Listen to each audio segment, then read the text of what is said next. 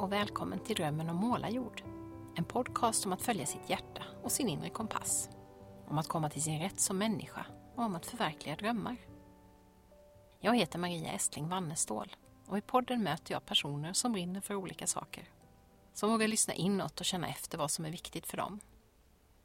Jag inspireras av deras berättelser och tankar och det hoppas jag att du också ska göra.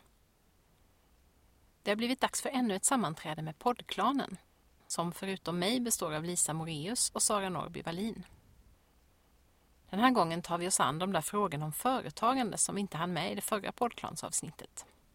Vi berättar om varför vi driver företag istället för att vara anställda.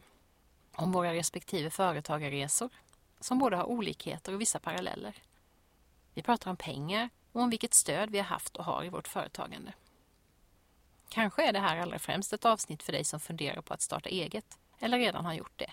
Men jag tror faktiskt att det finns ett och annat i vårt samtal att ta till sig, även för dig som inte alls går i sådana funderingar. Företagandet hänger ju nämligen, i alla fall för oss, väldigt nära ihop med livet i allmänhet. Vilka val vi gör, vilka mål vi sätter och vad som är viktigt för oss. Varmt välkommen att lyssna.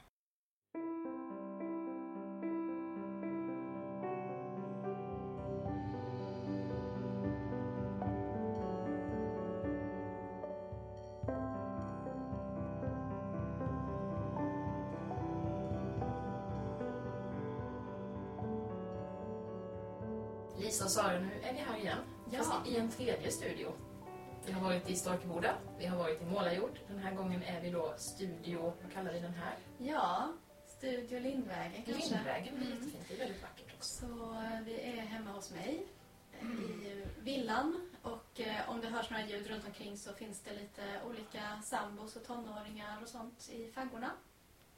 Och du är ju, Jag är ju då Lisa Moreus. och så har vi också, Sara Norby Wallin.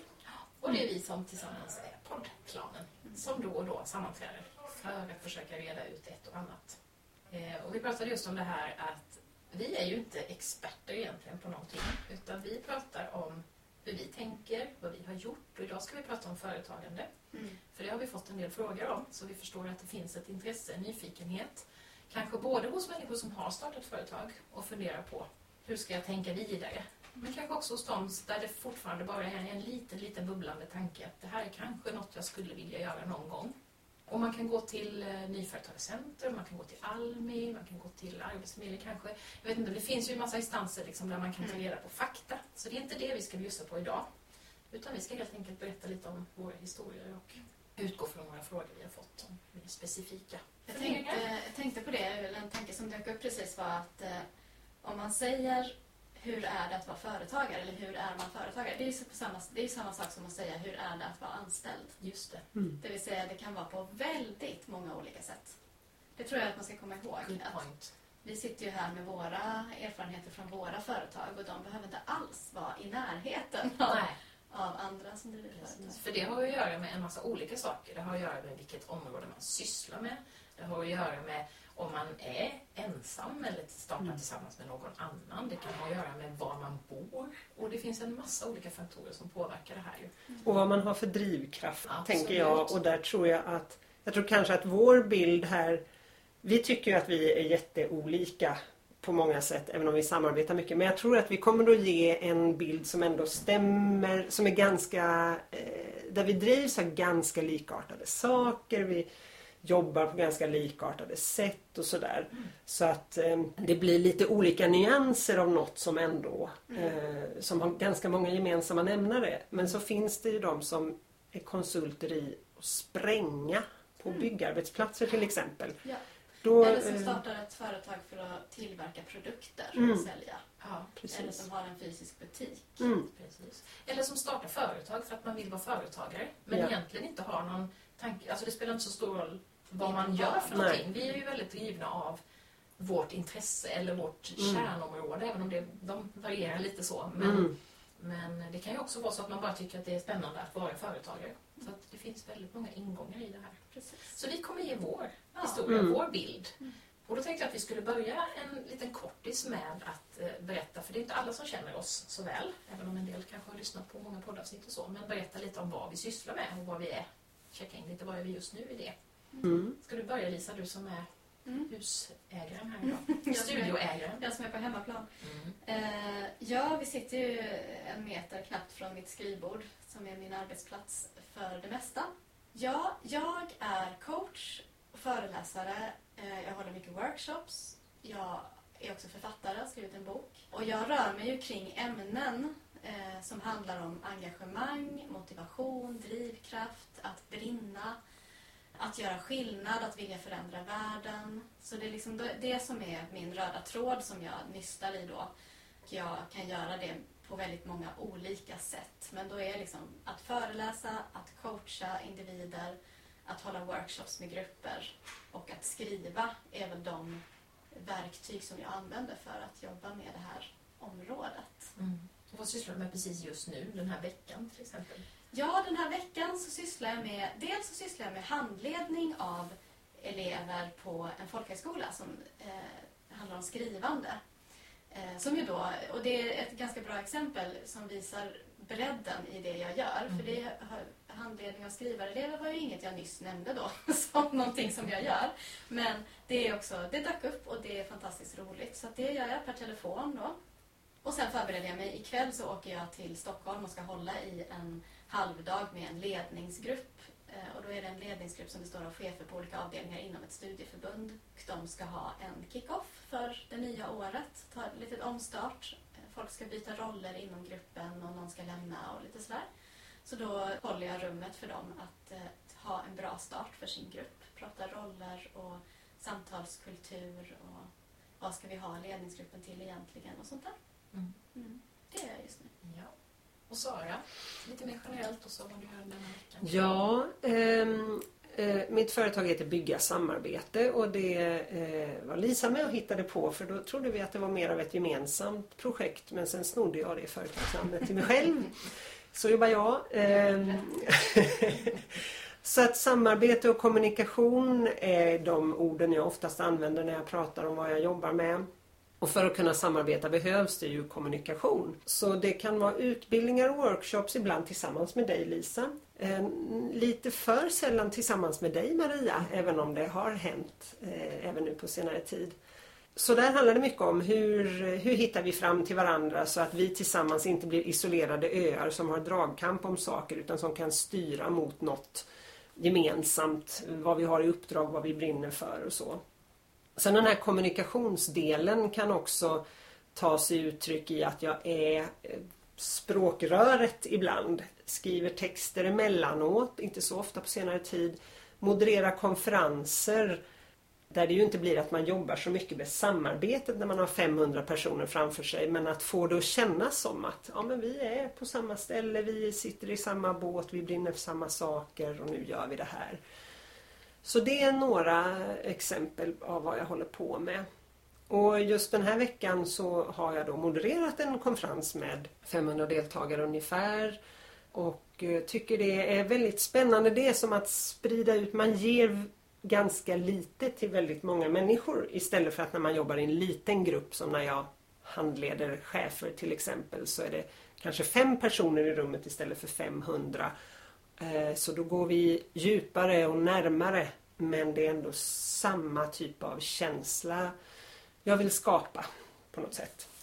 Så eh, resten av den här veckan ägnar jag rätt mycket åt att rigga för, jag har då handleder chefer från olika organisationer. Och det är så kul för det är nästan den enda grejen som jag gör själv. Det är liksom bygga samarbete som ordnar det här. Mm. Till skillnad från när jag går in hos kunder, vilket jag också tycker är jättekul att gå in och snabbt känna av. Jag har alltid älskat att vara nyanställd. Liksom, vad behö- var är ni? Hur funkar det här? Och så. Men här, sen har jag mina handledningsgrupper med chefer från olika organisationer där jag bokar lokal och beställer fika och donar. Och just nu ska börja marknadsföra höstens insatser. Och en av anledningarna till att jag vaknade så himla glad i morse, jag tänker såna här jag använder begrepp som mina barn skrattar ihjäl sig åt. Jag känner, jag, det kom till mig i morse när jag låg och sa, jag är jublande glad idag. Jag känner mig som Sickan Karlsson i en 50-talsfilm. Nu får ni googla på Sickan Karlsson. Eh, och det, en av anledningarna var att jag igår intervjuade en av mina chefer som har deltagit i en sån här grupp. Och, eh, och det blev alltså typ tre minuters samtal och det kändes bara yes. det är det här och det, när hon beskrev vad det ger henne och sådär. Så det är nog det som eh, större delen av eh, veckan går ut på utöver den här konferensmodereringen då. Mm. Mm. Och vad är det du pysslar med egentligen, ja, det är. Maria? Alldeles för mycket kanske man tycker. Nej, men jag älskar ju det här som jag gör idag, att jag, att jag får hålla på med så många olika saker. För jag, jag kan vara väldigt uthållig men jag behöver ha flera olika projekt. Jag kan inte bara jobba med ett och samma hela tiden. Så att kärnan i allt jag gör tycker jag är väldigt tydlig för mig. Det är ju det här med att hitta sin kompass och ja, men, komma till sin rätt och genom det på något sätt bidra till en bättre värld. För det är ju min tes att om människor får jobba med och vara den, jobba med den de vill och vara den de är utan att hela tiden behöva liksom anpassa sig efter någon annans förväntningar eller normer, då blir man också en, en bättre kraft i världen för då får man mer liksom, energi att ja, men, ta hand om det som finns runt omkring. Mm. Men sen tar ju det sig en faslig massa olika uttryck då. Och det kan ju handla om att skriva böcker. Jag har precis skickat iväg min andra roman på provtryck. Och eh, översätta böcker. Jag har ju, vi pratade i förra poddklans avsnittet om aktivt hopp som mm. nu finns ute. Mm. Som vi har haft releaseparty på. Eh, och sen har jag ju skrivit tre bilderböcker tillsammans med min dotter där vi också liksom, det också finns någon slags eh, tanke om att det inte bara är underhållning utan det ska finnas någon, något medskick i det. Sen föreläser jag ju, har jag gjort ganska mycket under mitt liv, men nu gör jag ju de nya saker. Så nu pratar jag mycket om min bok, den första romanen jag skrev och om att följa sin kompass. Och så leder jag samtalscirklar, en tillsammans med Sara, det är väl det vi har kvar fortfarande mm. vår gemensamma verksamhet och sen en för eh, seniorer. Eh, ja, vad gör jag mer? Jag virkar ju meditationskurser, jag lägger ut meditation. Alltså, det är lite svårt, jag funderade på det när jag körde hit idag. Vad är jobb egentligen i mitt liv? För att ganska stor del av det jag gör är ju sånt som inte är avlönat. Mm. Jag tjänar inga pengar på det. Och det kommer vi nog komma in på sen, hur, varför, hur det kan fungera. Men då är frågan, var drar man gränsen mellan ideell verksamhet till exempel? För jag driver ju också ett integrationsarbete kan man säga. Jag har en grupp som samordnar information om integrationsaktiviteter och det är en typisk ideell grej. Men å andra sidan så är ju en massa andra saker av det jag gör liksom inom företagarramarna också egentligen ideellt. För jag tjänar ingenting eller väldigt lite på det. Så att jag har lite svårt ibland att definiera vad är det som är jobb. Men jag vet att du en gång sa det så bra Lisa. Du sa så här, när jag använder min jobbhjärna när jag använder de delarna, liksom, mm. då är det jobb. Och så kan jag se att även det här ideella arbetet, det kräver ändå någonting av min hjärna. Det kräver lite struktur, det kräver, det är liksom inte ren avkoppling Nej, som det är kanske när jag går ut i mina odlingar på ett annat sätt. Så att, um, ja, så nu jag har mer liksom börjat se på det som ett jobb, fast det är ett jobb jag gör gladeligen utan att förvänta mig något, någon ersättning för det. Mm. Men, uh, mm. Så det, det, kan låta extremt spretigt, men för mig finns det en kärna och en röd tråd i allt det jag gör. Och det, Vad gör du just den här veckan? Just den här veckan så har jag levererat paket med Active Top-böcker och krånglat lite med det för det blev lite bökigt med leveranser. Jag, eh, vad gör jag mer? Jo, jag har jobbat mycket med mitt nyhetsbrev som ska skickas imorgon. Just det. Jag har längtat så mycket efter att få komma igång med det här för jag har längtat efter att ha en lite mer, ja, men en lite mer personlig kanal på något sätt. Där man kan vara lite mer Ja, men när man lägger ut saker i podden då skickar man bara ut det i etern utan att veta vad var det landar eller hur det landar. I sociala medier är det också lite grann. Ibland får man lite respons men det är också ganska mycket envägskommunikation. Men, och det kanske det blir i det här också för det är inte så att man måste svara på ett nyhetsbrev men jag känner att jag kan ha ett lite mer personligt tilltal och det finns något slags möte. När, vi är, när jag skriver så är jag ju här med dig som sitter och tar emot. Mm. Jag skriver om det i första brevet kommer man att få se om man vill på det. Nu går vi in i vår lilla bubbla tillsammans här. Liksom. Mm. Um, och du vet vem avsändaren är? Ja. Det är det som är den stora skillnaden. Ja, jag vet. Du vet faktiskt det. Ja, jag vet både avsändare och mottagare här. Mm. För att jag, jag har liksom... Ja, det, det, och jag tänker att det ska vara till för dem som, som vill mer än mm. bara då och då liksom hoppa in och, mm. och göra någonting. Att här är det, det är hardcore äh, drömmar om måla jord ja, här. Mm. Kompassnavigatörerna. Så det har jag pysslat med ganska mycket. Och sen är det alltid lite sådär småplock. Jag ska träffa en webbkille imorgon och prata lite om en jag måste fixa min webbplats och sådär. Så det är liksom alltid sådana där små grejer mm. också. Men eh, det här har varit de stora sakerna just nu. Ja, jag tänkte börja sen med den här frågan som vi har fått av en lyssnare om varför vi är företagare. Vad är det som gör, för det är ju slitigt ibland, mm.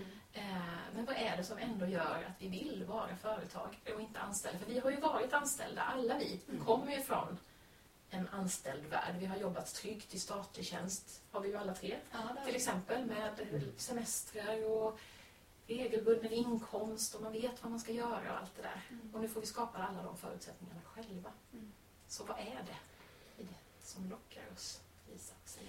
Ja, eh, när jag först startade företag, det, det är ju länge sedan. Mm. Jag startade ju företag och blev min egen, jag minns faktiskt inte vilket år det var nu, men det är 2007, 2008 någonting.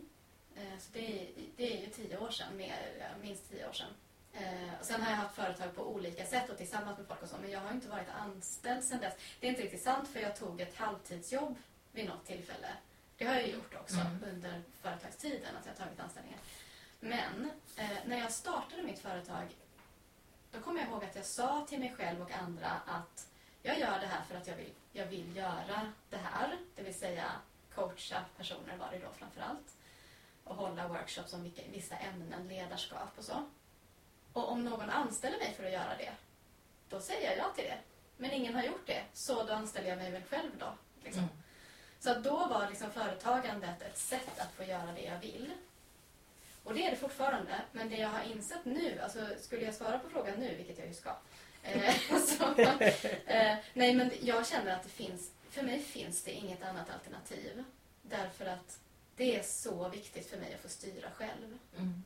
Och få bestämma själv, varför gör jag det här? Vad är det jag gör? På vilket sätt? Tillsammans med vem? När? Hur? Alla de sakerna. Att få att ha full kontroll över det. Och jag tror att jag har blivit så bortskämd med det. Det är andra saker jag inte har blivit så bortskämd med, typ pengar. Mm. Men just den här friheten har jag blivit väldigt bortskämd med och jag, jag är inte beredd att ge upp den. Alltså. Det, så jag har väldigt svårt att se att jag skulle bli anställd igen, åtminstone på heltid.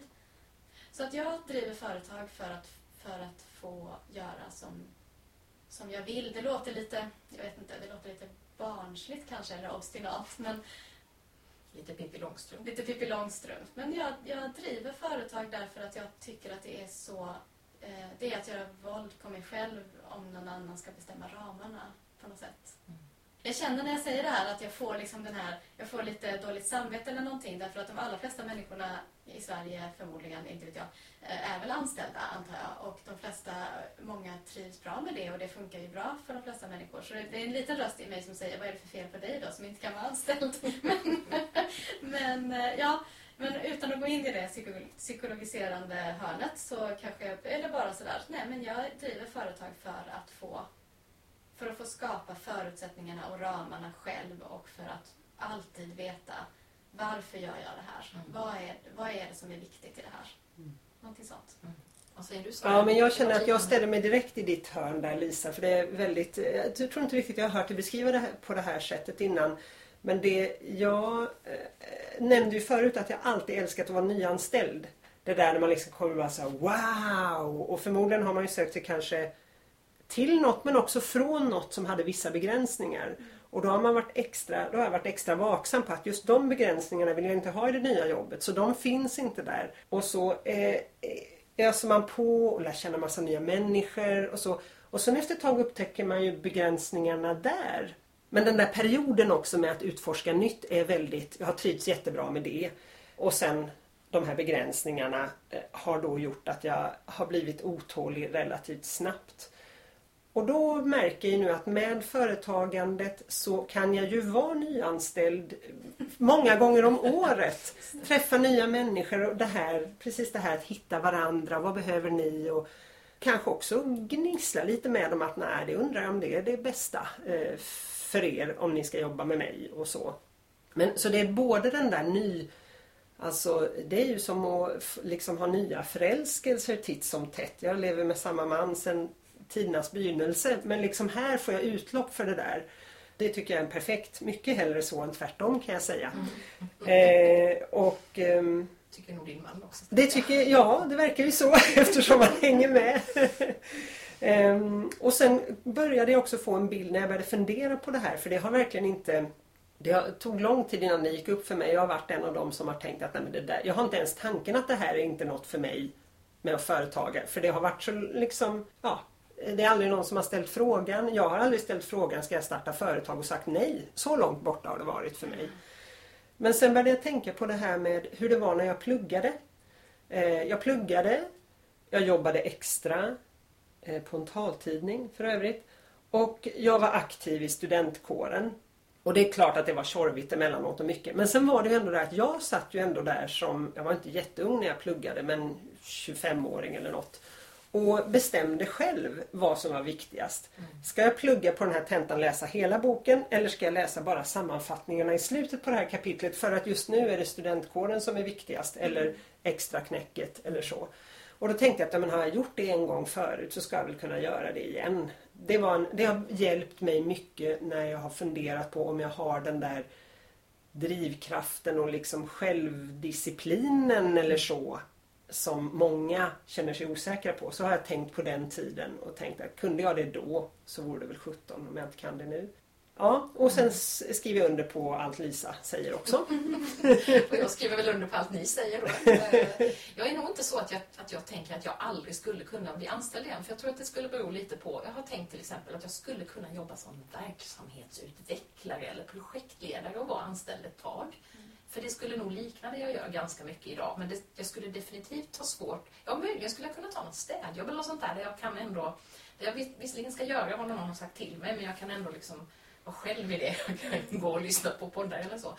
Men att, att ha något jobb där jag skulle verkligen hela tiden göra allting i förhållande till någon annan. Det har jag också jättesvårt för jag har också vant mig vid den här friheten. Och mm. Framförallt för mig är det ju väldigt mycket det här att kunna jobba var jag vill och när jag vill och att kunna ta vara på alla idéer. För jag har ju känt det, det har jag pratat om i den här podden jättemånga gånger, om den där kreativa kranen som liksom när jag började öppna på den så bara rinner det så det kommer ju nya idéer hela tiden. Och det är ju tack vare att jag har den friheten som jag också kan fånga upp och förverkliga en massa saker när jag nu vill göra ett nyhetsbrev så är det ingen annan jag måste be om lov att göra det. Och det tycker jag är jätteroligt. Och att jag också mer och mer kan få jobba med, alltså det är lite det här utforskandet att vad är det som är viktigt för mig? Och för mig har det ju blivit det här ja, Rädda Världen-perspektivet som inte alls fanns där när jag började tänka på företagande. Det kommer väl kanske sen om vi pratar lite mer om det. Men det har ju växt fram och det, då är det ju just att ja, men det här kan jag göra. Och det, jag har pratat med många andra som är anställda som är frustrerade för de känner att jag skulle vilja göra någonting mm. för världen men det finns liksom inte, det får inte plats inom ramarna för den anställning jag har så därför får jag ju hålla på med saker som jag egentligen tycker känns meningslösa eller kanske till och med liksom går åt fel håll för jag jobbar på ett företag som gör någonting som inte mm. är bra för världen mm. och den konflikten, jag, skulle, jag känner att jag skulle verkligen inte kunna leva med den idag. Att jag var tvungen att göra ett jobb för att känna sätta mat på bordet som gick emot mina värderingar. Mm. Så det tror jag också ligger väldigt djupt i företagandet. Och det har jag fått brottas med en del. Mm. För det har inte alls varit självklart för mig heller att bli företagare. Men att jag har insett att företagandet är ett fantastiskt sätt att få leva ut sin kreativitet, fokusera på sina värderingar och göra någonting produktivt och vettigt av det. Ja, nu andas vi in Lisa och jag båda två för nu går vi igång här. Men något som jag tänker på är, för nu utgick vi ganska mycket från våra personliga inifrån. Eh, ja, och, men att det där är en så viktig del att som familj, när jag hittade de där begränsningarna då i, i organisationer jag hamnat så betyder det ju då kanske att det finns delar av mig som inte får utlopp där. Och det är klart att det är jobbigt för mig som individ men på något slags kanske lite eh, storvulet sätt så har jag då ändå en känsla av att jag kan bidra mer till världen. Mm. Här kan jag, jag kan vara, jag kan få utlopp för mera av mig.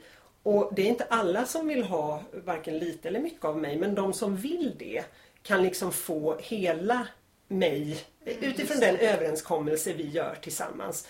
Och då tänker jag att jag kan bidra mer till, till världen på något sätt än vad jag kan om jag sitter och känner att det är 35% av mig som inte får utlopp på jobbet.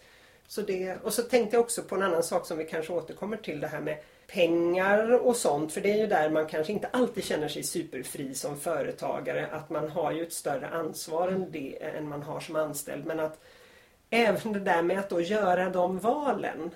Där är man också friare. Man kan göra ett val som innebär nu gör jag något som inte är superkul i två månader. För att än om någon annan skulle komma och säga nu Sara ska du göra något som inte är superkul i två månader. Mm. Det är något helt annat. Mm. Och du kan också göra motsatt val. Att nu gör jag det här som är fantastiskt roligt Ja. och som gör att jag får äta knäckebröd i en vecka. Absolut. Och då bestämmer jag det i en vecka. Ja.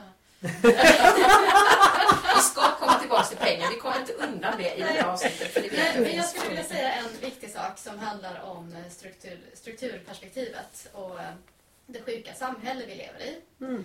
Eh, därför att det låter lite som, när vi pratar om det nu, man skulle kunna tänka sig ja, det, att det är, en, det är en väldigt lyxig diskussion vi har. Vi har en väldigt Mm. privilegierad roll som kan sitta här och säga ja, det är för trångt på jobbet så jag väljer att starta företag och göra vad jag vill. Liksom.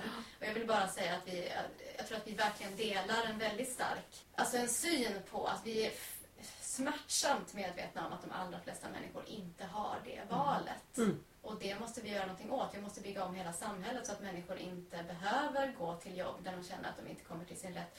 Eller så mycket värre än det. Liksom. Mm. Så. Just det. Verkligen. Och just att, att arbetsplatser har ju mycket att lära av. Vad är det som gör att vi tre inte vill vara anställda? Och det är en av de saker som jag försöker komma tillbaka till som gillar stora organisationer. Jag vill absolut inte jobba i en stor organisation nu och förmodligen kanske aldrig. Men jag skulle önska att de som gör det kände Wow! Vi är stora, vi är bra, vi kan göra något istället för att gå omkring och känna sig små i den här stora organisationen. Så att det, ja, det finns verkligen ett, vi är inte så, ehm, vi är inte bara egoister. Vi tänker på hur vi vill ha det själva också men vi tänker på det också utifrån ett perspektiv att vi vill kunna bidra. Mm. Och med en, alltså jag känner en oerhörd tacksamhet också. Ja, och ödmjukhet Mm. över att jag har möjlighet att göra det här. Mm. Mm. Mm. Jag tänkte att vi skulle ta en liten kort, inte någon jättelång utläggning, men en liten kort företagarresa. För vi, de har ju sett lite olika ut för oss tre, även om vi har många paralleller också. Eh, för det tror jag kan vara intressant för den som, kanske framförallt för den som inte överhuvudtaget liksom är där i tanken än. Men hur, hur kan det se ut när man startar företag och hur kan den resan tas? För nu har vi varit, du sa tio år, Mm. Lisa jag har varit i sju på heltid. Och Mm. några år innan dess, ja så tio år är det nog som eh, företagare fast tidigare på deltid. Och du sa? Tre år på heltid och sen kommer jag ihåg att vi startade ju våra livstidslådor 2011 minns jag. Av någon anledning har det årtalet fastnat. Ehm, ja, Lisa, ska du börja? det är du som är Som har börjare idag. Ja, Ja, det är jag som är Jag har börjare. också varit längst. Ja, det var du som Mm. började. Det var du. Precis. Eh, Jag startade min enskilda firma ännu tidigare för att jag skrev eh, frilanstexter på fritiden. Så det var, det, ja, det var ju det första, att jag ville skriva och sälja saker till tidningar och då behövde man en firma och då startade jag det.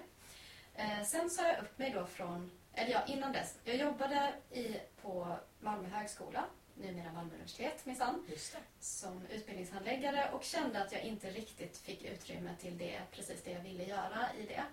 Så jag pluggade lite vid sidan om, eh, jag gick ner i tjänst och sen hittade jag coaching och framförallt co-active coaching som är en metodik, en, en, coach, en av de stora coachingskolorna i världen.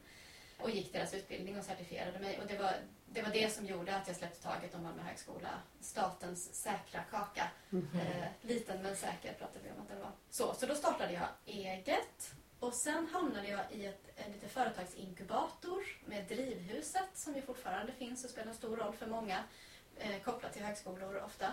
Eh, så då satt jag lite i deras inkubator. Där träffade jag två killar som hade en idé. Så då bildade vi ett handelsbolag. Det är inget jag rekommenderar eftersom, eftersom det är en företagsform som är ganska krånglig. Jag tror att den kanske är bra om man, om man typ är släkt och ändå aldrig blir av med varandra. När, man, när, man, när man väl ska liksom... Om, om man väljer att, som vi gjorde till sist då, att, eller jag va- valde att dra mig ur det samarbetet så är, är det enklare med en annan företagsform. Men vi hade, vi hade jättebra tillsammans och startade då ett ledarskapsprogram som vi sålde in och jobbade med. Och sen kom jag på att jag inte ville det längre och dessutom träffade jag Therese som bodde i Stockholm. Då bodde jag i Malmö fortfarande. Och vi gick samma coachutbildning, ytterligare en coachutbildning som var inriktad på grupper och team.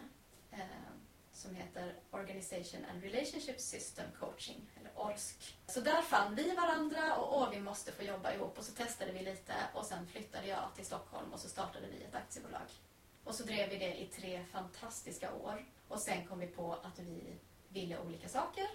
Så då köpte jag ut henne och sen träffade jag mannen i mitt liv, flyttade till Växjö, tog med mig aktiebolaget och sen dess så driver jag det själv. Och Therese och jag är fortfarande bästa vänner och sparringspartners och rings varannan vecka, eller varje vecka och hjälper varandra med våra respektive företag. Eh, så att det var, vi lärde oss fantastiskt mycket av att jobba tillsammans och utvecklades väldigt mycket. Och sen när vi väl släppte taget om varandra ja, så tog vi varsitt språng i utvecklingen skulle jag vilja säga. Därför att plötsligt blev det möjligt att göra det som vi båda ville men som inte fick rum i vår gemensamma låda. Ja, så det är nog, det är nog min resa. Så idag är jag då ensamföretagare med ett aktiebolag. Jag har också, hade ett tag eh, och kommer att ha igen förmodligen en assistent anställd. Eh, så jag har också varit arbetsgivare genom mitt företag. Ja, typ så. Mm. Ja, du och jag Maria, vi delar ju historia kan man säga i början där att vi eh, började blogga tillsammans om eh, tid och livskvalitet och sådana saker. Och så småningom blev det spin-off effekter av det, böcker och föreläsningar och sånt. Och i den vevan startade vi ett företag och det verkar vara en rätt vanlig, eh, vanlig gång att man, man gör någonting som folk vill ha eh, och som måste betalas på något vis. Och då behöver man ha ett företag. Det vi gjorde var att vi startade varsin enskild firma. Och som du sa här innan Maria, att det enda vi kommer ihåg från vårt första möte med Nyföretagarcentrum det var undvik handelsbolag. Ja, så det kan vi väl skicka med. Undvik Ja. handelsbolag. Det finns säkert sammanhang där det är jättebra. Men det som var... För vi gjorde ju väldigt, en, en lite likartad resa som du och Therese. Att i samband med att jag då för tre år sedan kände att nu vill jag också bli min egen på heltid. För då hade du ju varit det ett tag som du får berätta om strax. Så började vi utforska vad vill vi göra tillsammans. Och då upptäckte vi att under de åren vi hade hunnit hålla på tillsammans, mycket riktat mot privatpersoner och så, så hade vi, våra intressen hade lite grann gått åt lite olika håll. Eller framförallt var det så att när jag klev ur en stor organisation då kände jag att det är inte det att jag inte gillar organisationer. Tvärtom, jag vill jättegärna jobba med dem men jag vill inte jobba i dem. Vilket skilde sig lite från dina önskningar. Och då var det så otroligt smidigt att vi hade varsin enskild firma. Så här kommer ändå lite facts eh, Ja. så om företag. Hur man kan tänka. Det finns andra sätt som är jättebra men det här var bra för oss. Så då behövde vi inte knö med att köpa ut och, och så utan vi bara liksom började ta färre uppdrag tillsammans helt enkelt. Och framförallt sökte inte nya Nej, tillsammans. precis. Vi- Och, eh, och det har var en så otrolig Ja men det är ju inte ens Det är ju inte en skilsmässa. Eh, annars skulle man kunna säga att det är en lycklig sådan. Utan det är ju mer att man har lite, lite mindre av det där gemensamma i mitten av cirklarna. Som, mindre av cirklarna som överlappar varandra. Vi Ja. jobbar ju precis som, som Lisa och Therese också. Liksom peppar varandra, Ja. hjälper varandra mycket i. Ja, försöker sitta och jobba tillsammans en dag i veckan. Lisa du är med ibland och, och så. Men just för att känna den här med kollegor. Så jag har ju aldrig behövt uppleva det där med att känna mig ensam. Och det är också något som jag är otroligt tacksam över. ehm, så. Och jag klev ju av då från en, en större statlig organisation och använde, kan jag ju säga, alla tjänstledigheter man kan hitta på för studier och prova egen verksamhet och hej och hå just för att få utrymme för det och också kunna känna mig för och långsamt trappa ner. Och samtidigt som jag kände att jag hängde kvar för att göra, framförallt var det några insatser kring större möten och så där jag kände att jag kunde tillföra mycket och där jag kunde lära mig mycket. Så jag väldigt, fick ett väldigt positivt avslut också. Att vi kunde dela oss fram till en bra, en bra eh, avrundning och som blev eh, successiv vilket ju var en stor fördel på många olika sätt. Ja, så kan Mm. vi väl säga. Mm.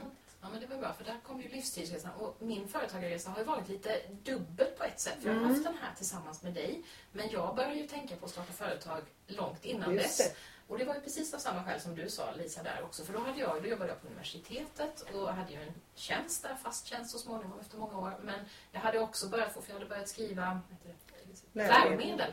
Och då hade jag börjat få förfrågningar om att komma ut och föreläsa om både det jag skrev om och forskade om och sådär. Och då började folk fråga, ja men har du, har du F-skatt eller sådär? Och då insåg jag att ja, men jag kanske borde ha någonting. Mm. Så jag gick ju där i tre, fyra år innan jag kom till skott. Men det fastnade på att jag tyckte detta med moms lät så fruktansvärt komplicerat. Jag har det var något Facebook-minne nu nyligen. Alltså jag fattar det här med moms. Ni som är företagare, snälla kan ni tala om för mig, är det värt att lära sig om moms för att få bli egenföretagare? Så så var det verkligen. Det var något som jag kände mig nödgad till men inte var ett dugg intresserad av i början. Men sen var det precis som du sa, det började, och jag började ju också trappa ner för det var ju det att jag började få lite inkomster från mina läromedel som gjorde att jag också lättare kunde gå ner i tjänst. Så jag började med att gå ner till 75 och till 65 och till 50 och så tog jag tjänstledigt en hel termin. Eh, men då visste jag nog redan att jag inte skulle komma tillbaka utan eh, jag var ganska säker på att jag skulle göra någonting annat. Så det, är ju, det blir sju år nu, ganska precis här om en månad som jag lämnade in nycklarna för att ta tjänst tjänstledigt den där första men då, då var jag ju redan på väg bort helt och hållet. Och får jag säga en sak där? En lärdom där, också en praktisk eller också emotionell grej. Viktig både för arbetsgivare och presumtiva egna företagare. Enda nackdelen med att göra de här nedtrappningarna är att man kan, det kan bli bortglömt att göra den fantastiska fina avslutet med Ja. avtackning och hej och hå. Just det. Ehm, jag fick till det men eh, jag vet Jag att blev det, bara ur systemet Ja. och det har jag varit lite det kanske man gillar men det är ändå Ja. lite, för off, många är det bra med den där ritualen. Mm, jag tror det också. Att man känner att man ändå har varit uppskattad på en arbetsplats. Att man inte bara pyser bort liksom. Mm. Men jag minns så väl när jag tog beslutet att säga upp mig. För det var ju då den där hösten när jag då var tjänstledig. Och jag visste ju att jag ville detta, men jag gjorde det. Jag skickade in papperna samma dag som jag hade fått ett eh, skattebesked. De hade missat då på min arbetsplats att dra skatt, så att jag fick ett jättejobbigt skattebesked. Och då kunde man ju tänka att det hade kunnat få mig att känna nej jag ska nog inte skicka in den här uppsägningsblanketten. Och jag gjorde det ändå. Och det har jag kommit tillbaks till många gånger. att Jag gjorde det. Fast det var så läskigt liksom att, ja men vad kan vara läskigt efter det? och det, det tror jag, det, det var nog psykologiskt väldigt viktigt för mig att jag vågade gå emot den. Trots att det kändes liksom, jag gör det i alla fall för det här är så viktigt för mig. Så, och, men sen har det blivit att jag har ju liksom jag fortsatte ju, första delen, de första åren som egenföretagare på heltid, så fortsatte jag ju jobba med saker som hade med det jag hade gjort innan. Vi hade ju fått dragit igång vår livsstilsverksamhet, men jag höll ju också på, jag skrev fortfarande läromedel, eller ja, facklitteratur för lärare, var fortfarande ute och föreläste mycket och hade kurser om sånt. Eh, så att jag hade ju två parallella spår där och sen en dag så kände jag bara att nej, nu är det färdigt. Nu tycker jag inte det är roligt längre. Nu tycker jag inte det är roligt att lära mig nytt. Och det tyckte jag var en sån viktig signal. Liksom, att jag vill, inte, jag vill inte veta mer om det här området. Nej, Nu är det dags. Nu är inte jag nyfiken längre. Då är det dags att stänga den lådan. Så det blev ju lite som en omstart. För jag hade ju byggt upp en ganska schysst plattform i språklärarvärlden. De flesta som var engelsklärare i Sverige visste vem jag var för att jag hade skrivit böcker och varit på konferenser och så. Och plötsligt ge sig in då och bygga upp den plattformen i en, ett helt nytt sammanhang. Så det har ju blivit lite som två, två eh, både parallella och efter varandra följande företagsresor Mm. för mig. Mm. Vi har fått en fråga från lyssnare om hur vi tänker när vi planerar vår verksamhet. Har vi affärsplaner? Sitter vi och klurar på vem är min målgrupp och sådana saker? För det kan man ju fundera på. Hur viktiga är de där grejerna som man ofta hör att man måste vara noga med? Tänker vi i de termerna eller jobbar vi på andra sätt? Ska du få börja nu Sara? Ja, jag tycker alltid det är jätteläskigt när någon ställer frågan så Ja, var har du dina kunder då? För då tycker jag plötsligt inte att jag kommer ihåg någon enda kund och hur jag får dem och så. Jag kan inte säga att jag... Det har jag väldigt svårt att sammanfatta. Så jag har... Ehm, när det gäller mål och så, så är jag, jag är rätt målmedveten får jag höra hela tiden fast jag vill aldrig låtsas om det. Jag skriver sällan upp mina mål eller så för de, på något sätt blir de, de blir jobbiga för mig då att förhålla sig till. Jag brukar dra till med en siffra varje år ungefär vad jag tycker att jag vill tjäna. Men då tänker jag alltid så här, ja herregud, någon skulle kunna säga, fråga mig hur många bananer jag var värd och så kunde jag dra till med det. Det känns alltid som något sånt där väldigt så. Ja men precis, lekfullt bara. Men det är ändå någon slags idé. Och sen känner jag att jag vet ungefär vad jag vill göra för något. Och jag vill ha några som det här med moderera konferenser, det är en, det är en annan sorts energi, idé jämfört med att träffa arbetsgrupper, jag gillar kombon av att ha mina egna små grejer eh, som den här chefsanledningen och att vara ute hos kunder och sådär. Så det är någon slags eh, mixtanke. Det är inte så att jag tänker inför ett år att nu vill jag ha så mycket sånt och så mycket sånt utan mer så ah, nu ska det nog vara lite mer. Det var länge sedan jag modererade någon konferens och så eh, önskar jag mig det lite. Eh, men jag har eh, inte heller så jag tycker det är intressant det här som, för du säger ofta det Lisa, ska vi ta och sälja in det? Och så här, jag tänker, herregud, jag, jag, känner mer att jag bara sitter någonstans och så bara plopp så ramlar det ner saker så här. Kan man det egentligen? Men ibland kan vi ju det både ihop och var för sig. Så att eh, jag är nog mycket där att jag har en tydlig riktning och där jag också känner av att ah, nu lutar det lite mer åt det här hållet. Nu vill jag luta upp skutan lite mer åt det. Och sen så har jag de här målen jag har. Det finns ju någon sån akronym att målen ska vara smarta. Mina ska vara SOL har jag kommit på. De ska vara stödjande för min riktning. Det är riktningen som är viktigt. De ska vara omförhandlingsbara, alltid. Och de ska vara sådär lek och lustfyllda och lite galna kanske så. Den ehm, köper jag direkt. Ja, ja. väldigt bra. Den tar jag också. Ja, så... Ehm, och ungefär så välstrukturerat och tydligt som det jag nu har sagt är det mm. i min planering. Så kan man väl säga.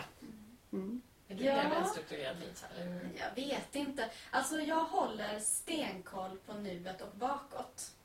Eh, det är faktiskt en del av planeringen också, eller en grund till planeringen. Att jag har alltid eh, jag har väldigt bra koll på vad är det för pengar som har kommit in. Mm. Alltså så.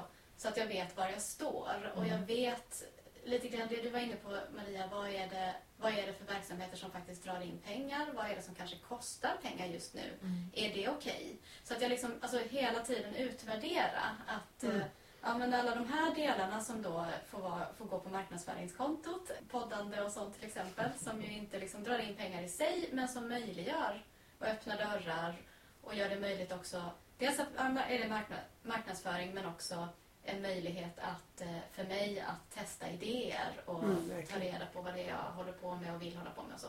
och då, att då ha koll på hur mycket kostar de delarna mig. Så, så, att liksom, så att det är en sån sak, att ha stenkoll på vad är det som händer i mitt företag ekonomiskt också. Mm. Eh, så det, och sen så hur jag planerar, det, jag har ju mina års planerade nya året mm. och då är företagandet en del men också det, det privata. Och där är också det som du var inne på Maria, vad är jobb? Liksom, vad, där det får vara en helhet. Och det gör jag bland annat tillsammans med min sambo. Vi brukar resa bort några dagar och så tittar vi på året som ska komma och vad vill vi med det och så. Och då handlar det ganska mycket om att liksom titta på det föregående året och så fundera på hur, vad vill jag ha mer av? Vad vill jag ha mindre av? Vad funkar det? Vad funkar det inte? Mm. Alltså jag tänker mycket på det som att man sår olika frön alltså att, och sen så får man se om de växer. Men liksom, så att det går ju inte, det går inte att planera och sen tro att man ska kunna hålla sig till den planen. Inte för mig i alla fall. Men däremot kan jag göra önskningar. Mm. Jag kan säga så, men jag skulle vilja, i år skulle jag vilja kanske jobba lite mer med den här typen av organisationer. Eller jag skulle vilja kanske resa lite mindre eller lite mer eller vad det nu är. Så. Alltså resa i jobbet menar jag, göra uppdrag som inte är i Växjö. Och så fundera på, okej, okay, vad kan jag göra för att göra det möjligt eller för att det ska kunna hända? Och så skickar jag ut olika signaler och kastar ut lite fröpåsar lite här och där och så brukar det materialisera sig mer eller mindre. Och så, så avstämningar hela tiden. Är jag på rätt väg nu? Är det någonting jag behöver skruva på? Så. Mm. Och jag har också en, en summa, liksom, en, sådär, hur mycket vill jag dra in mm. det här året? Och den, den är väldigt, den är inte så här eh, hur många bananer Nej. på den nivån. Utan det är liksom, ja men vad är en rimlig, vad, vad, vill jag kunna ta ut för lön och vad har jag för övriga kostnader och vad behöver jag då dra in för att täcka det. Mm. Men det är verkligen en, det är någonting det är någonting som är mitt emellan en önskan och en prognos kanske. Mm. Snarare än ett planerat mål. Eh, och när det gäller mål, jag sätter ju mål eller något eller vad man nu ska kalla dem. Och då har jag den här, jag har SMART-modellen men jag har den som checklista. Jag har den så här, hur mätbart vill jag att det här målet ska vara? Just det. Eh, hur tidsatt vill jag att det ska vara? Är det här ett mål som ska vara tidsatt? För är det till exempel skriva en bok, det har jag ju kommit på att det är ingen idé att tidsätta det. För det tar så lång tid som det tar. Det är bättre att bara sådär det är bättre att sätta i så fall att jag vill, jag vill skriva ett visst antal timmar per vecka till exempel. Den, mm. det, ett sånt mm. mål kan man ju sätta. Liksom. Men, eh, jag skriver den här boken, när den är klar är den klar. Ja, någonting sånt. Det, jag vet inte hur luddigt det svaret var, men någonting Mm. sånt. Ungefär så ser min planeringsprocess ut. Mm. Och jag är väl luddigast av oss alla skulle jag tro. För jag har, eller på, jag, alltså på ett sätt är jag ju jättestrukturerad för jag har ju min, jag har ju min aktivitetsplanering där jag har långt, långt fram. Men den är ju helt och hållet bara en, en, jag menar, en, någon slags önskelista eller tanke om vad jag vill göra. De här sakerna vill jag göra. Och ibland är den väldigt detaljerad och när man kommer lite längre bort i tiden så är den mycket mer abstrakt. Men jag sätter aldrig upp några ekonomiska mål. Det fick jag ju den frågan nu när jag har gått hos vår gemensamma konsult. Ja, hur mycket vill du tjäna då? Oh, vad jobbigt, det har jag ens aldrig tänkt på. Så det här med att lägga budget, affärsplan, alltså de där mer fyrkantiga, sånt gör inte jag. Jag har inte gjort sedan jag började. Kanske därför jag inte tjänar några pengar, eller vad vet. Men alltså, jag, min planering är väldigt, eller min verksamhet är väldigt, väldigt, väldigt lustdriven kan man väl säga. Så jag gör ju väldigt mycket det jag känner för just nu. Men sen kan jag ha långsiktiga, alltså jag kan ju också ha långsiktiga mål för jag vill skriva en bok till exempel. Och då kan det vara precis som du sa, att jag kanske planerar in att skriva en halvtimme varje morgon eller en, hel fredag under en period eller sådär. Så att saker blir ju på något sätt gjorda. Men de blir sällan gjorda precis kanske när jag har trott att de ska bli gjorda. Eh, Och det stör mig inte så mycket så länge jag kan klara mig, så länge jag överlever. Sen kan det bli ibland, då kommer den där ekonomiska grejen. Nu måste jag dra in lite pengar. Och då kan jag sätta mig och, i tio timmar och göra en sån här liksom, mailbombningsgrej till exempel. Ehm, för att nu behöver jag faktiskt aktivt också tänka lite med den eh, delen av min företagarhjärna. Inte bara den här som tycker att oh vad kul allting är, utan också tänka lite smart och strategiskt och sådär. Eh, Men jag är nog en jättedålig bild ur man, ur man tänker liksom starta eget eh, sådär eh, mallmodell för det är ganska kaotiskt. Alltså det är inte alls sådär tydligt och um, strategiskt att om jag gör det här så händer det här och det så. Utan det är väldigt mycket mer att oh, nu fick jag en idé, nu vill jag starta ett nyhetsbrev. Nu gör jag det. Punkt. Eller nu, nu kom den här boken, nu ska den skrivas. Men sen däremot så har jag ju de senaste åren kanske börjat tänka lite mer i det här årscykelmodell också. Att jag har insett att april, maj vill jag inte boka in för mycket. Nej, just för att nu vill jag ha tid att odla till exempel. Nu vill jag lägga in mellanrum här. Mm. Och sen är jag ganska, oftast ganska pigelin liksom i början av hösten, september, oktober. Sen kan jag bli lite tröttare där runt jul, då vill jag kanske jobba lite mindre. Så att försöka undan för undan lära känna mig själv Mm. och vad jag behöver. Jag har insett att jag är inte en sån som går igång jättemycket på att det är ett nytt år nu. Friska nya tag, utan kanske framåt mars. Just pratade vi om förra året. Då hade du ett nytt år som startade i mars. Ja, För du tyckte du var inte färdig med det förra Nej, året, förra liksom, det blev liksom längre än Ja. ett år. Längre än Precis. tolv månader. Och att, att, få, få lov att, att få lov att göra så eh, är viktigt för mig. Det är väl en av anledningarna till att jag ser det som att företagandet är, är viktigt. För så, så kan man inte riktigt fungera i en vanlig tjänst. Där får man ju på något sätt följa. Och det, det, det tänker jag så ofta på, hur den här tiden, april, maj, början på juni, det var den absolut mest intensiva perioden när jag jobbade på universitetet. För då satt man med tentor, uppsatshögar, man var, slet sitt hår över studenter som skulle klara ett seminarium och de var långt därifrån. Och jag kan känna att jag missade så mycket av naturen och den tiden för att jag satt bara inne och rättade. Och jag har ju en man som jobbar som lärare, han sitter ju med nationella prov nu. Att, att där har jag aktivt valt liksom att det, om det är min affärsplan så ser den ut så att i april-maj ska jag jobba lite mindre för att jag ska kunna vara ute mer. Nej, men något jag tänkte på här när vi hör de här olika eh, sätten och tankarna eh, kring, för det här handlar ju mycket om ramarna och strukturen. Så tror jag precis det du är inne på Maria, att vi behöver, eh, det tar ju ett tag att hitta sitt eget, vad är viktigt för mig? För jag vet, jag läste på Facebook någon gång nu i deklarationstider någon företagare som skrev att Åh, nu har jag deklarerat, nu blev jag lite deprimerad. Och då fick jag så här kalla kårar och jag tänkte gud, jag skulle tycka det var superläskigt om jag inte visste läget förrän jag deklarerade. Nej, så, det bara kröp i mig. Och, och, men jag menar, jag kan ju vara små deprimerad eller glad då andra gånger längs vägen. Men, men, och ibland kan jag tycka när jag har något jobb sådär som jag verkligen har gjort, då skulle jag egentligen vilja att det inte fanns med i min kalkyl för jag skulle vilja få fira genom att skriva in det först då. Men så för mig är det viktigt att ha den där Ja. både framförhållningen och bakförhållningen som du är inne på Lisa och se hur ligger jag till. Men för andra är det inget problem. Man kör hellre på så är man deppig eller jätteglad där efter deklarationen. Men jag tror ju för många kan det vara bra att hitta ett sätt att hålla koll som man trivs med. Om det så innebär att man inte ska hålla i ekonomin själv. Eh, och sen är ju en annan, ekonomin är en del, den andra är ju tiden. För där var, satt jag illa till här i, kring årsskiftet och hade, hade dragit på mig för mycket plus att en leverantör eller en kund plötsligt kommer och säger ja men vi vill att du tar 100 timmar till på det här, gärna före årsskiftet. Och man bara, ah, så. Men att, att de, båda de kalkylerna är ju sånt som ja. verkligen kan vara eh, och hitta sina sätt att göra det. Och där är jag inte färdig. Eh, Med ekonomin tycker jag att jag är det, har bra, ett bra upplägg. Med tiden behöver jag jobba mer med att hitta sätt. Ja, Ibland är det ju kombon som Ja. är det viktigaste då. Precis. Som jag kan känna att ja, ja, men så länge jag har de här, jag har ju inkomster fortfarande från mina Mm. gamla synderböckerna. Och de börjar ju avta lite grann, men de har ju skapat tid att Just få det. göra de Ja. här ideella grejerna. Men det kommer de ju inte göra i all evighet. Och då gäller det ju att fundera på hur mycket tid kan jag lägga på de här grejerna som drar in så lite pengar. Och, och liksom kalibrera det hela tiden på något sätt. Att, nej, men nu måste jag kanske ta en sån där drive och försöka få in lite föreläsningar eller vad det nu är. Så. Mm.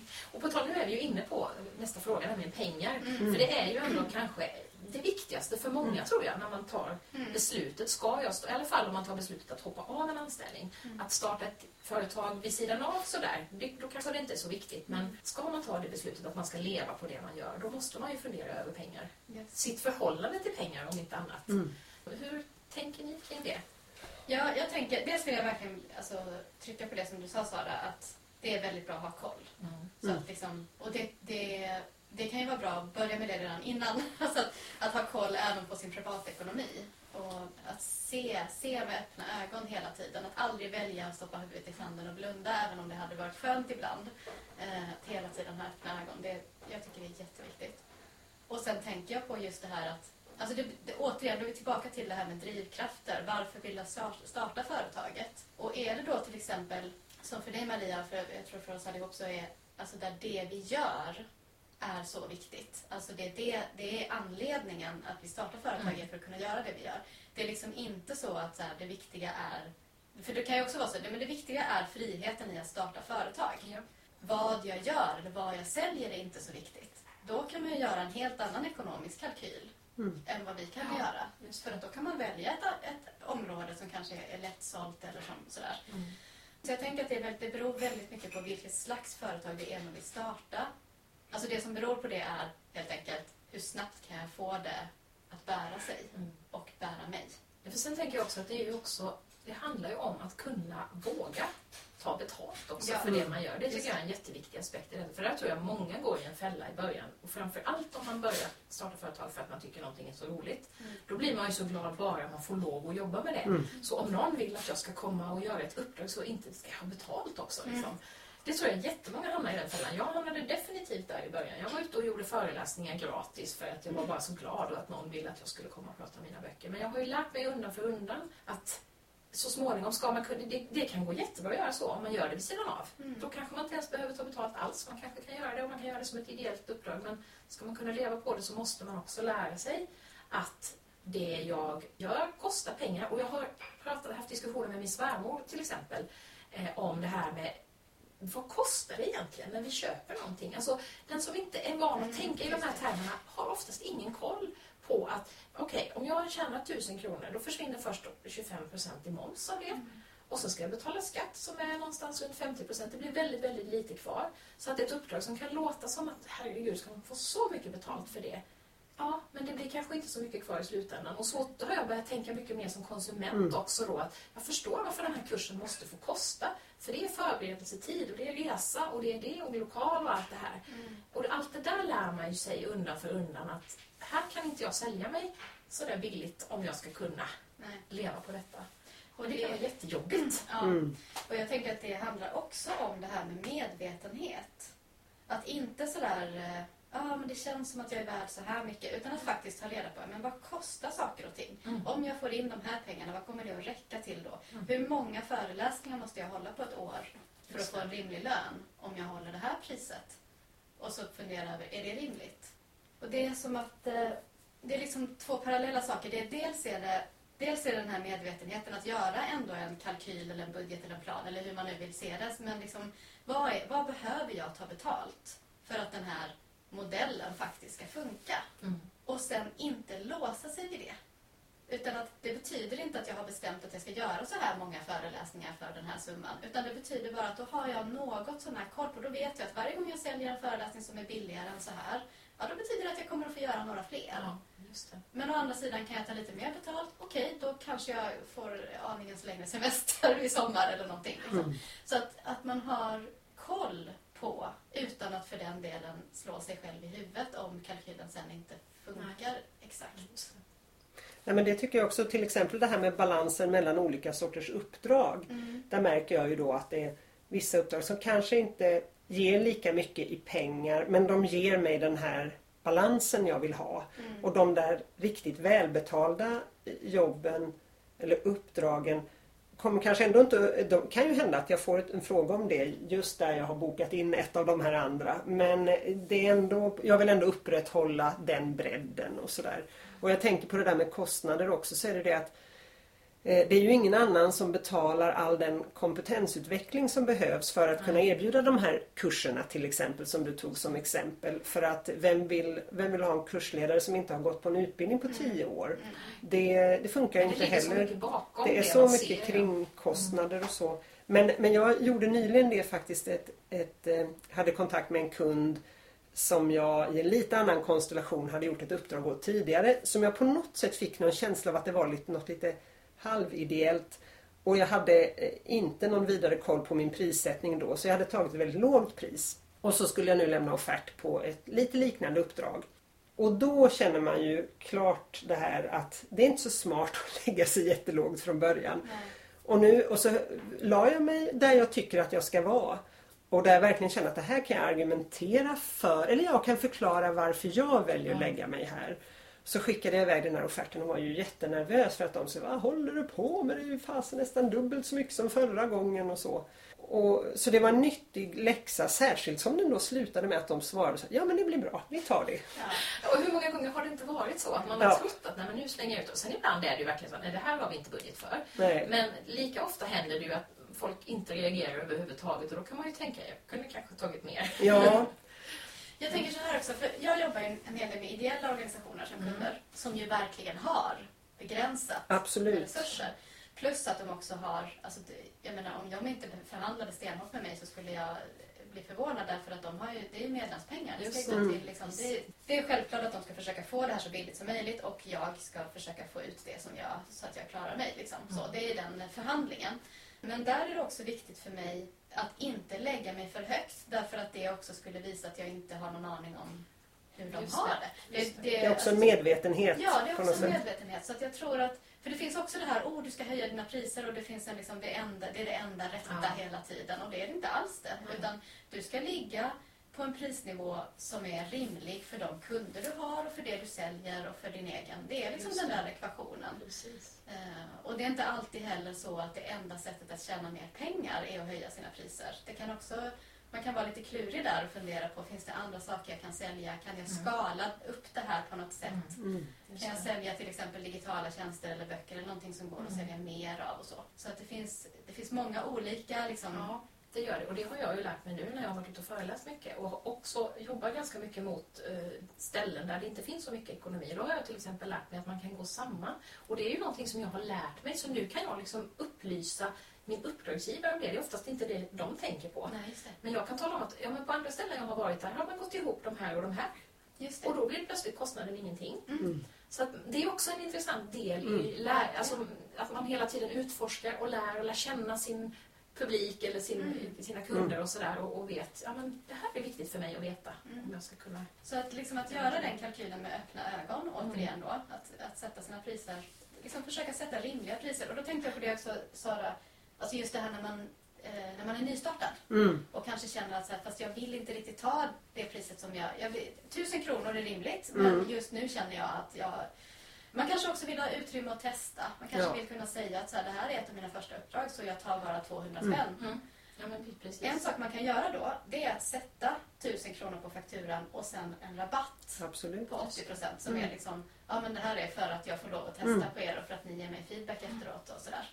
Just det. Så det är ett sätt att signalera även till kunden att det här priset är nu därför att jag testar och Mm. om ett år.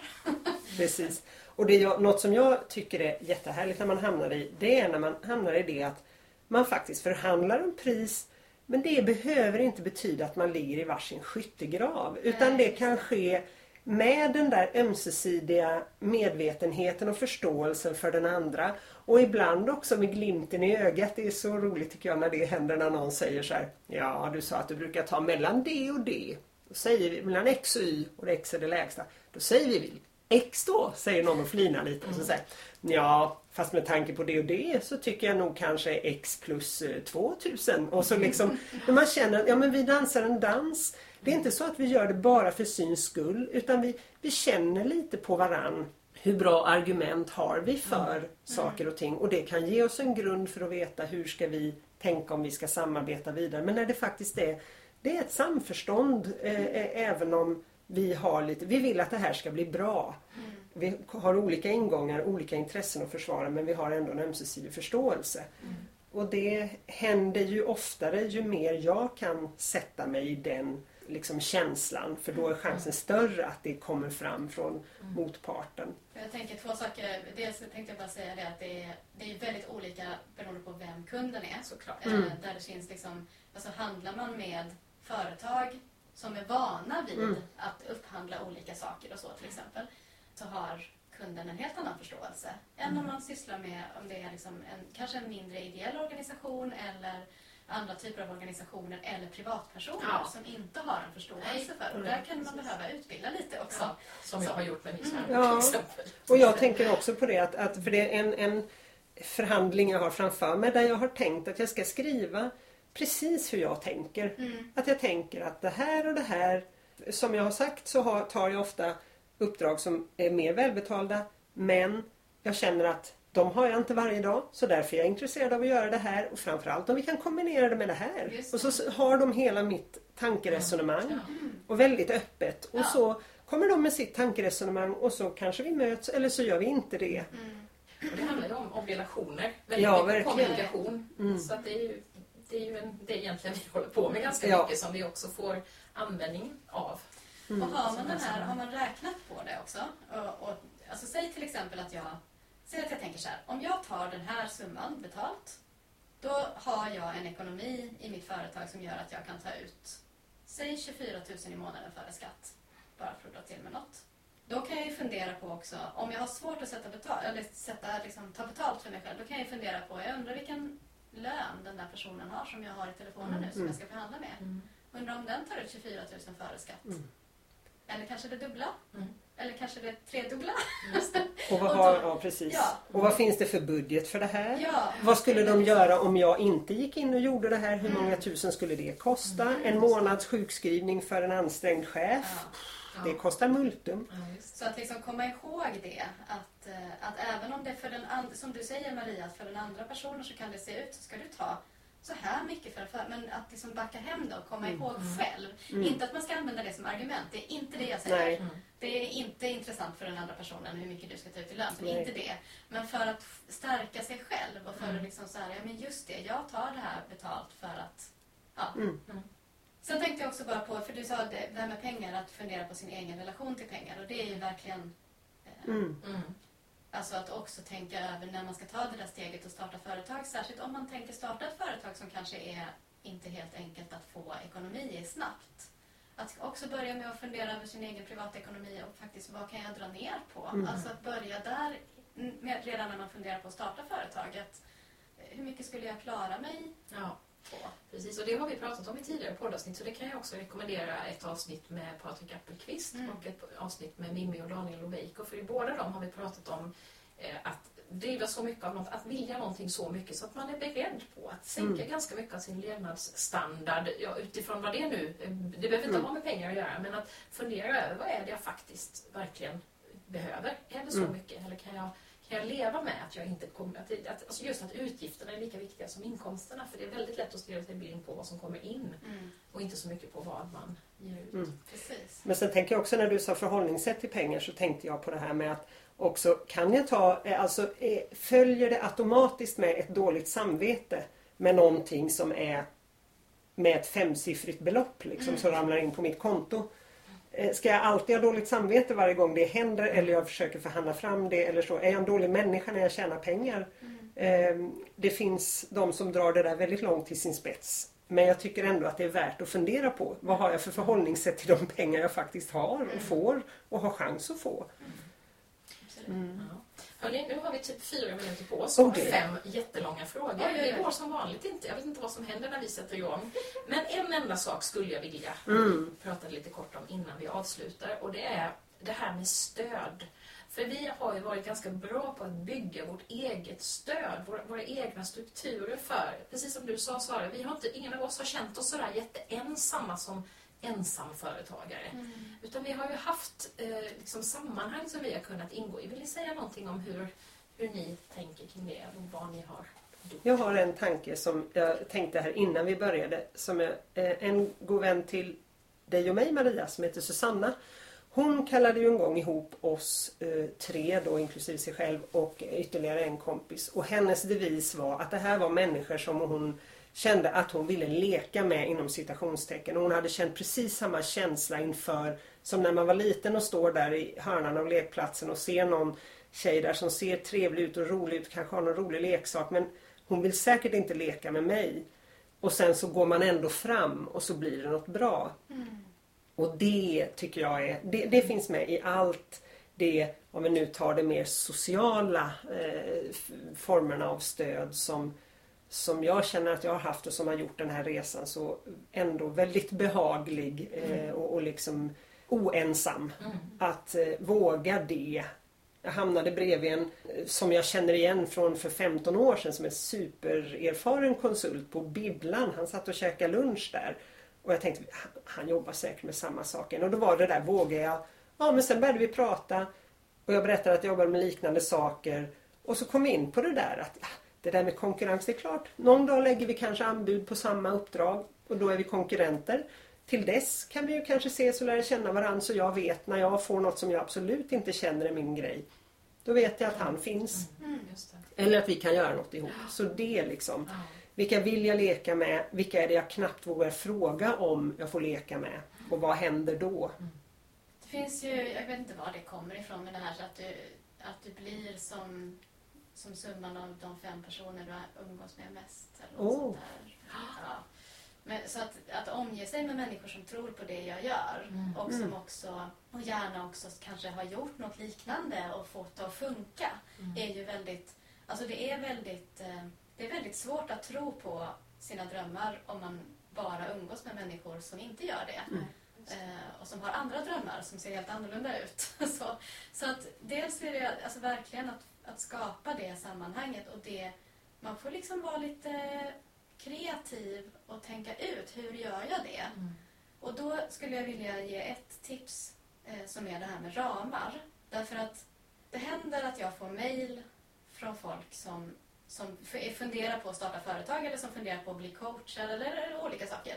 Liksom, jag är intresserad, skulle inte vi kunna fika eller luncha eller sådär? Och det är alltid, jag tycker att sådana initiativ är fantastiskt bra men jag skulle verkligen vilja skicka med att sätt en ram. Alltså tala om vad är det du vill.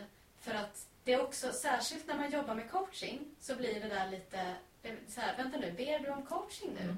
Mm. För i så fall måste jag nämligen ta betalt för annars funkar inte min affärsmodell. Eller är det, så att, att, att säga så här, till exempel, jag bjuder dig gärna på lunch, jag har frågor om X, Y, Z. Jag hade varit jättetacksam om du kunde ge mig en timme. Mm. Mm. De har liksom satt tidsram och man har sagt så här, det här är det innehåll som jag skulle vilja. Mm.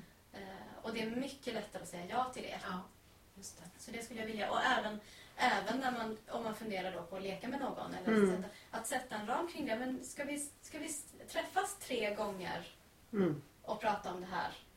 Därför att då blir det inte heller någon sorts oändligt liksom, och sen hur länge ska vi hålla på med det här och blir det bra eller inte. Utan att liksom, ja.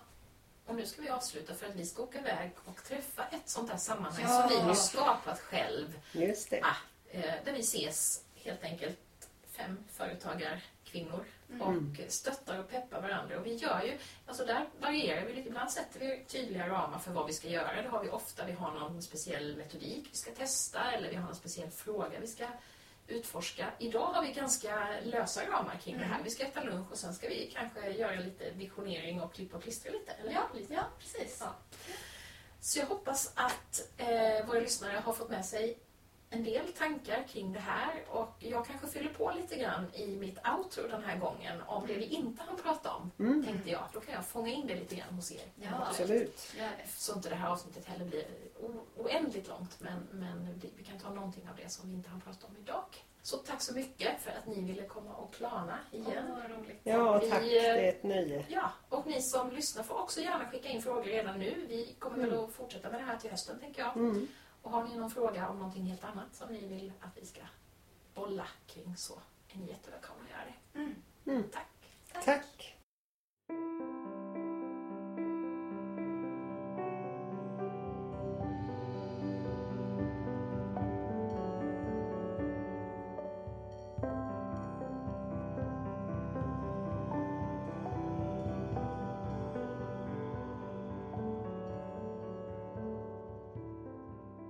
Sara hittar du som vanligt på byggasamarbete.se och Lisa på lisamoreus.se. Två frågor vi inte hann ta upp den här gången var hur vi hittar våra kunder och uppdragsgivare och hur vi ser på begreppet framgång. Så det får nog helt enkelt bli ett företagsavsnitt till för poddklanen framöver. Om du har egna funderingar eller frågor om det här, kanske någonting som vi tog upp i avsnittet här, eller om någonting helt annat som du tycker att vi ska prata om framöver, hör av dig till maria inrekompass.nu. Nu jobbar jag på fram till midsommar och sen tar jag ett långt härligt sommarlov, ända fram till skolstart, tillsammans med barnen och min man som är lärare. Det är ett av de val jag har kunnat göra som företagare utan ambitionen att tjäna jättemycket pengar. Jag kommer däremot att gå in och jobba då och då när andan faller på, så ett och annat drömkornsavsnitt och blogginlägg kan du nog räkna med även i sommartid. Och så kommer jag förstås att skicka ut mitt nystartade inspirationsbrev, brevet från Målarjord. Vill du följa med på min brevskrivarresa? Gå in på dromenormalajord.se och anmäl dig. Så får du min minikurs Introduktion till den inre kompassen. Jag kan också redan nu flagga för att jag kommer att hålla en inspirationsdag på det här temat, alltså att hitta sin inre kompass, hemma i Målarjord lördagen den 3 augusti. Mer om den kan du läsa på webben eller Facebook-sidan. Kanske vill du stötta mitt arbete med podden. Ett sätt är att köpa mina böcker eller be ditt bibliotek köpa in dem. Nästa vecka kommer äntligen min andra roman, Kantstötta porslinsugglors paradorkester. Ett annat sätt är att bidra med en liten månatlig summa via Patreon. Hur du gör då kan du läsa mer om på dromonormalajord.se eller direkt på patreon.com dromonormalajord. Tack så mycket för att du har lyssnat idag och ha nu en jättefin midsommar. Hej då!